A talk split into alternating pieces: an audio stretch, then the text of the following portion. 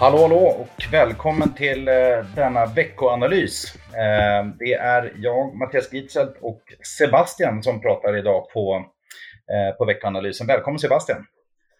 Tack så mycket Mattias, kul att vara här. Ja, verkligen kul. Du är tillbaka andra gången redan här, så nu ja. steppar vi upp. Du gjorde det bra första gången så då får man komma tillbaka. Exakt, härligt att höra. Vi har väl som vanligt en agenda med att gå igenom lite vad som har hänt och vad som är på väg att hända. Och eh, den här gången så har vi faktiskt lite, lite rapportsäsong att prata om ändå. Det är ju så att eh, mellan rapportperioderna, de är ju kvartalsvis, så brukar det vara ganska makrospäckat. Men eh, nu har vi faktiskt lite, lite grejer som händer, så jag tänker att vi slänger oss in direkt i, eh, i de här rapporterna. Hur, hur såg det ut egentligen, Sebastian? Jo, eh, det var ju verkligen spridda skurar på rapporterna eh, under föregående vecka. Eh, Framförallt så dominerades rapportflödet av de eh, stora amerikanska techbolagen. Eh, vi hade bland annat Apple, Amazon, Alphabet, Microsoft och Meta som rapporterade.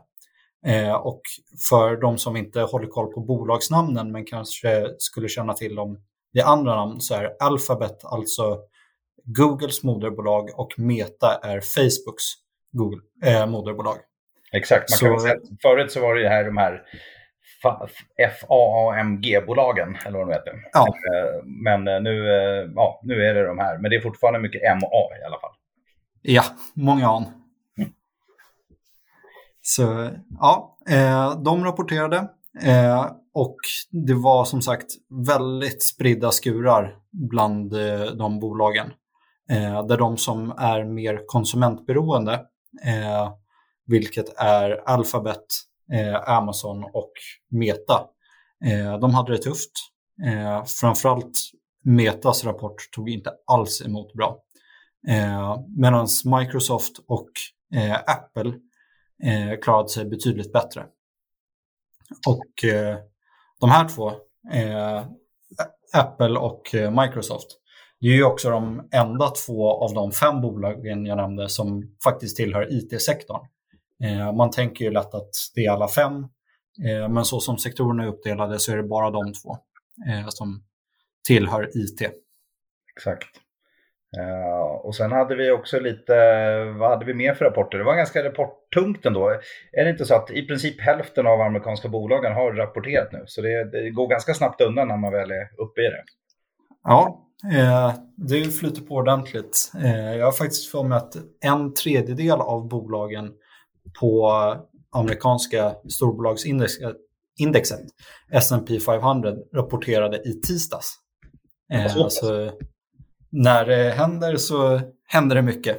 Härligt att höra. Det är också så faktiskt om man bara, nu, nu hade vi faktiskt ingen podd förra veckan, så man bara liksom tittar tillbaka också lite, eller summerar kanske framförallt till, till dagens situation. Så, som sagt, hälften har rapporterat. Och faktiskt är det 71 procent som har presenterat en positiv överraskning mot analytikers förväntning avseende vinst och 68 procent vad gäller omsättning. Men det som är lite intressant i det här är att det låter ju väldigt bra, men det historiska femårssnittet på det är ju 77 procent på vinsten och 69 procent på omsättningen. Så det är faktiskt inte lika bra som det brukar vara ändå. Eh, men det är bra. Exakt. Eh, framförallt de amerikanska bolagen har ju en vana att eh, guida lite lägre än vad de tror att de kommer komma in på för att eh, leverera positiva överraskningar. Eh, så, men 71 procent som klår förväntningarna eh, får väl ändå ses som godkänt tycker jag. Definitivt, och speciellt i en sån här marknad där makro viker och det ser allmänt lite, lite svagt ut. Om man är på väg mot en recession så får man ju verkligen vara, vara nöjd med de siffrorna. Eh, helt klart. Ja. Men du, vad hade vi för andra bolag som rapporterade just förra veckan? Eh, ja, förutom eh, Big Tech så var det även eh, de amerikanska oljejättarna. Eh, så vi hade rapporter från ExxonMobil och Chevron eh, som kom in i fredags. Och eh, de fullständigt krossade vinstestimaten. Eh, Exxon gjorde faktiskt nästan lika hög eh, kvartalsvinst som Apple eh, som har ett marknadsvärde som är över fem gånger så stort. Det är lite revansch för, för oljebolagen verkligen. Det, ja, de har haft ett eh, gott år. Exakt. Det, man kan ju säga också, alltså av om man säger den, den ökade vinsten som amerikanska börsens bolag ändå på aggregerad nivå visar i år så är det ju tydligt att det är energibolag och sånt som, som bidrar kraftigt. Medan de senaste åren så har det ju verkligen varit de här teknologibolagen. Så, att, så det är lite, ja. det är en återgång, helt klart. Ja, men, eh, och, oljejättarna nu, de vet ju också att de lever lite på lånad tid. Eh, så de eh, gör ju i princip inga investeringar mer än vad som är absolut nödvändigt. Utan de försöker ju bara pumpa ut så mycket vinst, så mycket pengar som möjligt. Ja, verkligen. Det, det är en sån eh, verksamhet. Det är volatilt, men det, det är bra just nu i alla fall. Ja. Mm. Något annat som är väldigt volatilt om man bara tittar förra veckan, det är, det är ju om man är premiärminister i Storbritannien. Det ändras ju ja. månaden i snitt. om vi det känns som att varje gång jag får komma och gästa så är det en ny premiärminister. Ja, vi får se om det är det nästa gång igen. Det kanske blir. Ja. Men förra veckan hur som helst, då, då fick vi förra för detta finansministern, Rishi Sunak. Han, eh, han är den nya premiärminister och förhoppningsvis så, så driver han en eh, ja, ganska genomtänkt finanspolitik och framförallt skapa lite stabilitet i ekonomin i dagens väldigt utmanande läge. Så får vi se om, det, om, det, om han gör det längre än någon månad framöver. Vi får hoppas det. Eh, det var ju någon som hade gjort en video där med Liz Truss och en sallad för att se vad som skulle klara sig längst. Och det var ju salladen som vann. ja. Om ni inte har sett det så rekommenderar jag att ni kan kolla upp det. Den ska definitivt kollas upp. Men du, eh, vi kör vidare. Makrofronten då. Där, eh, ja, ganska händelserikt förra veckan också, eller hur? Vad, vad kom det där? Det drog igång med diverse preliminära inköpschefsindex från eh, såväl USA som Europa. Eh, och de här kom överlag in sämre än väntat.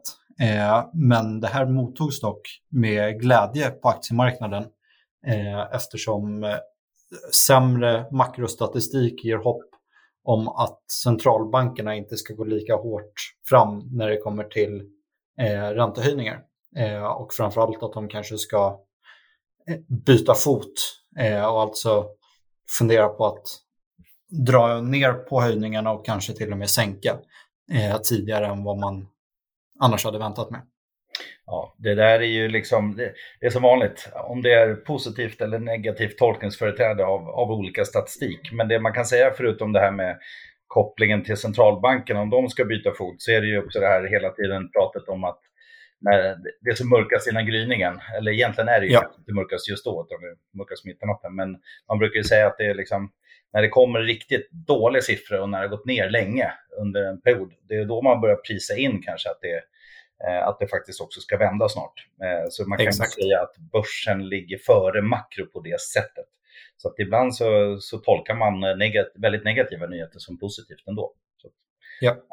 Men vi får se. Det kommer ju såna här slutgiltiga index den här veckan på inköpschefssidan. Exakt. De, de dels håller samma nivå och sen så finns det ju självklart annat. Eh, till exempel förra veckan kom ju en tyskt affärsklimat kom in bättre än väntat istället. Så att, um, det, är, det är låga nivåer men det, det, är liksom det blandade skurar även där, inte på rapportsäsongen bara. Utan det, vi, vi får ja, se. Vad mer? verkligen. Eh, vi fick ta del av eh, konsumentförtroende eh, från både Sverige och eh, från USA i form av Michigan Index. Eh, och det svenska konsumentförtroendet var ju redan sedan tidigare nere på de lägsta nivåerna sedan 90-talskrisen. Eh, och det här fortsatte sjunka. Okej. Okay. Ja, så riktigt kärvt alltså där. Ja. Dels så pressas ju hushållen från många håll idag. Eh, men det är inte bara det här som eh, gör att konsumentförtroendet faller, utan man ser ju också eh, med stor oro på framtiden. Eh, så man tänker att man har det tufft idag och eh, vintern kommer bli ännu tuffare, tänker man. Eh, vilket bidrar till att konsumentförtroendet då är rekordlågt. Det, det kanske också är så att det, jag vet inte om det är någonting med oss svenskar som eh, gör att vi väldigt snabbt byter, byter spår eh, från väldigt glatt till väldigt negativt. Men jag håller med, det känns extremt eh, dämpat eh, och så får vi väl se om det verkligen blir så här. Och ehm, det där syns ju i, eh, ja det är många andra mätningar också självklart. Amerikanska konsumentfrihet har ju också verkligen fallit en hel del, men det känns som det är brantare fall på något sätt i Sverige och det kommer just verkligen sedan Ukraina-krisens start medan amerikansk konsumentförtroende har liksom backat under en, en längre period. Det som gör det ja. intressant med just konsumentförtroendeindikatorer och sånt, det hänger ju väldigt tätt ihop med detaljhandeln naturligtvis, men också faktiskt med börsutveckling historiskt så har det haft ett ganska starkt samband. Så det, det är en bra siffra att hålla koll på, helt klart. Exakt. Eh, centralbanksbesked fick vi från ECB också förra veckan. Eh? Jajamensan. Eh, de eh, gick precis som väntat ut och höjde både refinansieringsräntan och depositräntan med 75 punkter eller 0,75 procentenheter. Eh, de har ju två olika styrräntor då, eh, refinansieringsränta och depositränta. Eh, men båda de här höjdes med 75 punkter eh, till 2,0 respektive 1,5 procent. Eh, och de var inte helt eniga i det här beslutet, eh, utan tre av ledamöterna ville endast se en höjning eh, på 50 punkter Eh, och ECBs ordförande Christine Lagarde eh, uppfattades dessutom som mindre aggressiv i sin kommunikation vad gäller framtida räntehöjningar. Eh, så även där började väl folk få något hopp om att de kanske inte kommer gå så hårt åt fram som man tidigare har kommunicerat. Det här, tror jag, det här är väldigt intressant tycker jag, för att alltså, vi kommer ju in i en vecka också där vi, vi ska strax prata Fed-besked som kommer. Och där blir ju frågan också, kommer det ett fjärde besked med 75 punkter i rad då? Eh, och det är ju det som ligger i förväntningarna och det kan vi prata om alldeles strax. Men eh, frågan är ju, kommer de börja kommunicera kanske till decembermötet att det blir 50 punkter? Eh, för jag tror att, alltså vi kan inte riktigt gå så här hårt fram liksom många, många gånger. Utan då, då blir det också, då sänker man konsumentförtroende mycket, räntorna stiger för snabbt, eh, man kanske knäcker eh, bostadsmarknaden och så vidare. Så jag tror också vi kommer behöva se lite försiktigare höjningar framöver. Ja, det är ju en svår balansgång just nu. Man vill knäcka konsumtionen men inte för hårt. Så ja, det är spännande. Verkligen. Uh, ja, och om vi då kommer in på den här veckan då. Först om vi tittar på, på marknaden utanför makro. Då, då har vi självklart fortsatt rapportsäsong. Uh, ja. Det är ju, ja, även i Sverige så har det har ju varit bra nivåer. Men det som definitivt har varit lite försiktigt med det är utsikterna. Eh, och det är ju, brukar ju vara så här, när det är osäkra makroekonomiska skeenden, då, då är bolagsledningen ganska snabbt ute för att varna liksom att det kanske inte blir så pass bra. Men sen överträffar man, som vi sa förut, sen överträffar man gärna därefter. Så det är lite grann förväntningar och det, det kan vi nog räkna med eh, även i de rapporter som så fortfarande kvarstår. Då. Och vad är det då ja. som kommer den här veckan? Eh, vad ser du framför dig? Eh, den här veckans höjdpunkter blir eh, storbolagen från hälsovårdssektorn. Eh, så vi har bland annat Pfizer, Eli Lilly, Amgen, Novo Nordisk och Moderna. Och vi har ju en ganska positiv syn på den här sektorn. Och det är även den sektorn som kommer ligga mest i marknadens fokus under veckan. Utöver Fed-beskedet som vi pratade om tidigare. Precis, och eh, sen kommer det ett par små rapporter till, typ NCC, Nobia, några till i Sverige. Men, men hälsovård är i fokus. Jag, som du sa, vi är positiva och det, hälsovård är ju verkligen en sektor, vi har pratat om det tidigare också. Det är, det är rätt härligt att man kan ha en sektor där det ändå är liksom ganska bra underliggande strukturellt hög tillväxt och samtidigt ja. så har man lite sån defensiv eh, karaktär, att det är relativt oberoende av, av konjunkturen. Utan det är liksom en, en sta, stabil, eh, stabil sektor. Känns eh, väldigt bra. Sen kan det ju till att komma högt värderad, lågt värderad och så vidare. Men det, ja, men det är klart kul. Så att, eh, det, ja. det kommer fokus vara. Och sen så självklart lite grann då, i alla fall om man tittar media så kommer det vara, förutom Fed och annan makro, så kommer det vara lite på presidentvalet Brasilien. Och det kan man väl bara säga, ja absolut Sydamerikas största ekonomi, men eh, för marknaden som helhet eller för påverkan Sverige så är det väl kanske inte en jättestor sak eftersom det i världsindex är ändå relativt litet och eh, dessutom inte en så väl integrerad ekonomi i, i, global handel och så vidare.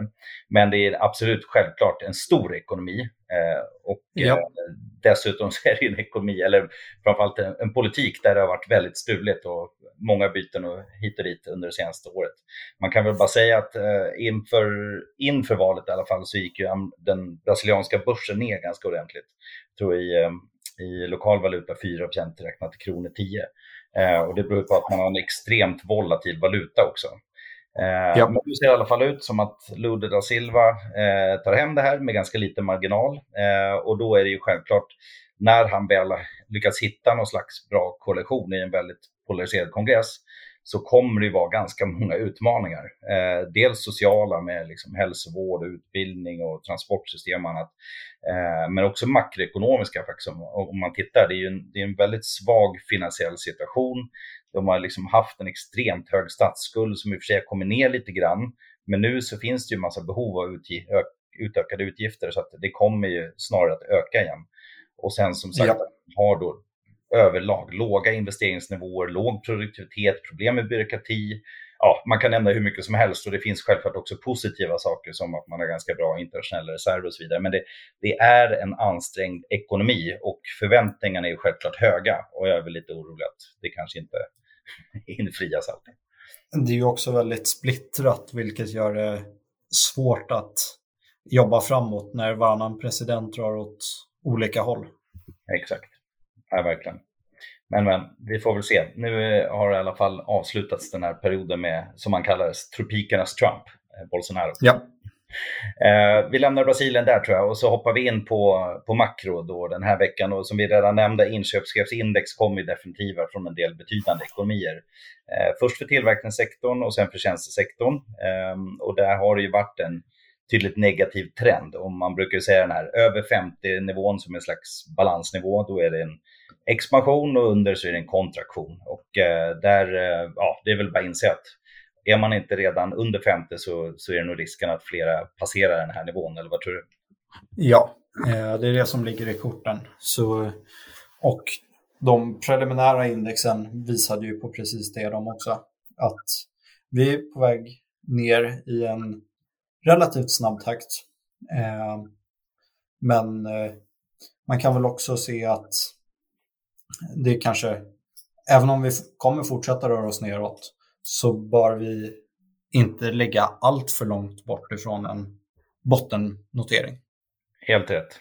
Det, det, tror jag också. Och det är, just, det är först då vi verkligen ser en vändning självklart. Men, men eh, den kan komma snabbt. Det, marknaden är snabb på att prisa in att, det, att vi har nått en, en botten. Eh, det är faktiskt, vi har gjort lite såna här historiska körningar på just inköpschefsindex relativt aktiemarknad och den bästa aktiemarknaden är just när, när inköpschefsindex eh, viker upp. Det är den perioden upp till liksom det mot, tillbaka mot 50. Det är då det går som bäst på marknaden. Såklart. Ja. Men sen har vi då som sagt Fed. Eh, vad mer finns det att säga där? Hur ser det egentligen ut med förväntningar och så? Ja, eh, det är ju veckans höjdpunkt eh, och förväntningen ligger på att det kommer ytterligare en höjning om 0,75 procentenheter eh, upp till intervallet 3,75 till 4 procent. Eh, för till skillnad från i Sverige så har man i USA ett intervall på sin styrränta. Eh, och utöver själva räntebeskedet i sig eh, så kommer fokus ligga på eh, hur man kommunicerar på den efterföljande presskonferensen. Eh, både kring hur man ser på framtida höjningar och eh, ekonomin i stort. Exakt. Och eh, en sån riktigt viktig indikator som ju också kommer i, i slutet på veckan, det är ju amerikanska sysselsättningsdatan. Och i och med att Fed har lite dualt eh, mål med just sysselsättning också som mål, så det kommer det här vara en jättestor eh, sak självklart om den här avviker och framförallt det är ju någonting som har hållit upp relativt väl sysselsättningen. Så, ja. så vad ligger egentligen förväntningarna där? Ja, som du säger så har sysselsättningen hållit upp otroligt bra. De har en väldigt stram arbetsmarknad i USA och arbetslösheten ligger på låga 3,5 procent. Och förväntningarna nu ligger på att arbetslösheten ska stiga till 3,6 procent eh, och att det ska ha skapats 220 000 nya arbetstillfällen utanför jordbrukssektorn under månaden. Eh, så även med den här då ökningen av arbetslösheten eh, så kan Fed göra mycket mer eh, utan att eh, riskera den aspekten av sitt mandat. Så är det verkligen. Och eh, jag tänker väl att eh, vår tid börjar faktiskt rinna iväg, noterar jag. Eh, det vi kan eh, faktiskt titta på, som jag blev lite förvånad av igen, vi lever ju fortfarande i den här världen där svenska börsen har gått ner väldigt kraftigt. Och förra veckan gick det väldigt bra. Svenska börsen gick ja. upp 5% så vi är ner bara i citationstecken 26 procent i år. Men tittar man på USA och andra delar av världen så ser det ju faktiskt helt okej okay ut igen. Amerikanska börsen mätt i kronor är uppe på på noll i år igen, så den, ja. den finns oförändrad. Sen är det en stor del naturligtvis valutautvecklingen. I lokal valuta så är det ner 17, men det är ändå så här, fortfarande sticker Sverige ut väldigt, väldigt mycket. Um, så det är värt att ha med sig nu när det, när det vänder upp, så att Sverige har en del att hämta in. Och Eh, vi har ju sagt tidigare att vi har ju en mer positiv syn på just nordiska aktier då, eh, jämfört med globala just nu och det ska man nog eh verkligen ha i bakhuvudet just nu. Ja, det stämmer. Eh, svenska marknaden är ju en som ofta faller mycket när det faller men eh, stiger mycket när det stiger. så tror man på en återhämtning, vilket vi gör i någon mån, då har Sverige mycket att hämta hem. Exakt så. Men du, tiden har dragit iväg som sagt. Eh, tack för att du var med igen. Eh, och vi tack hörs för att jag fick komma. Fler gånger. Ja, ha det så bra allihopa. Hej hej. Hej.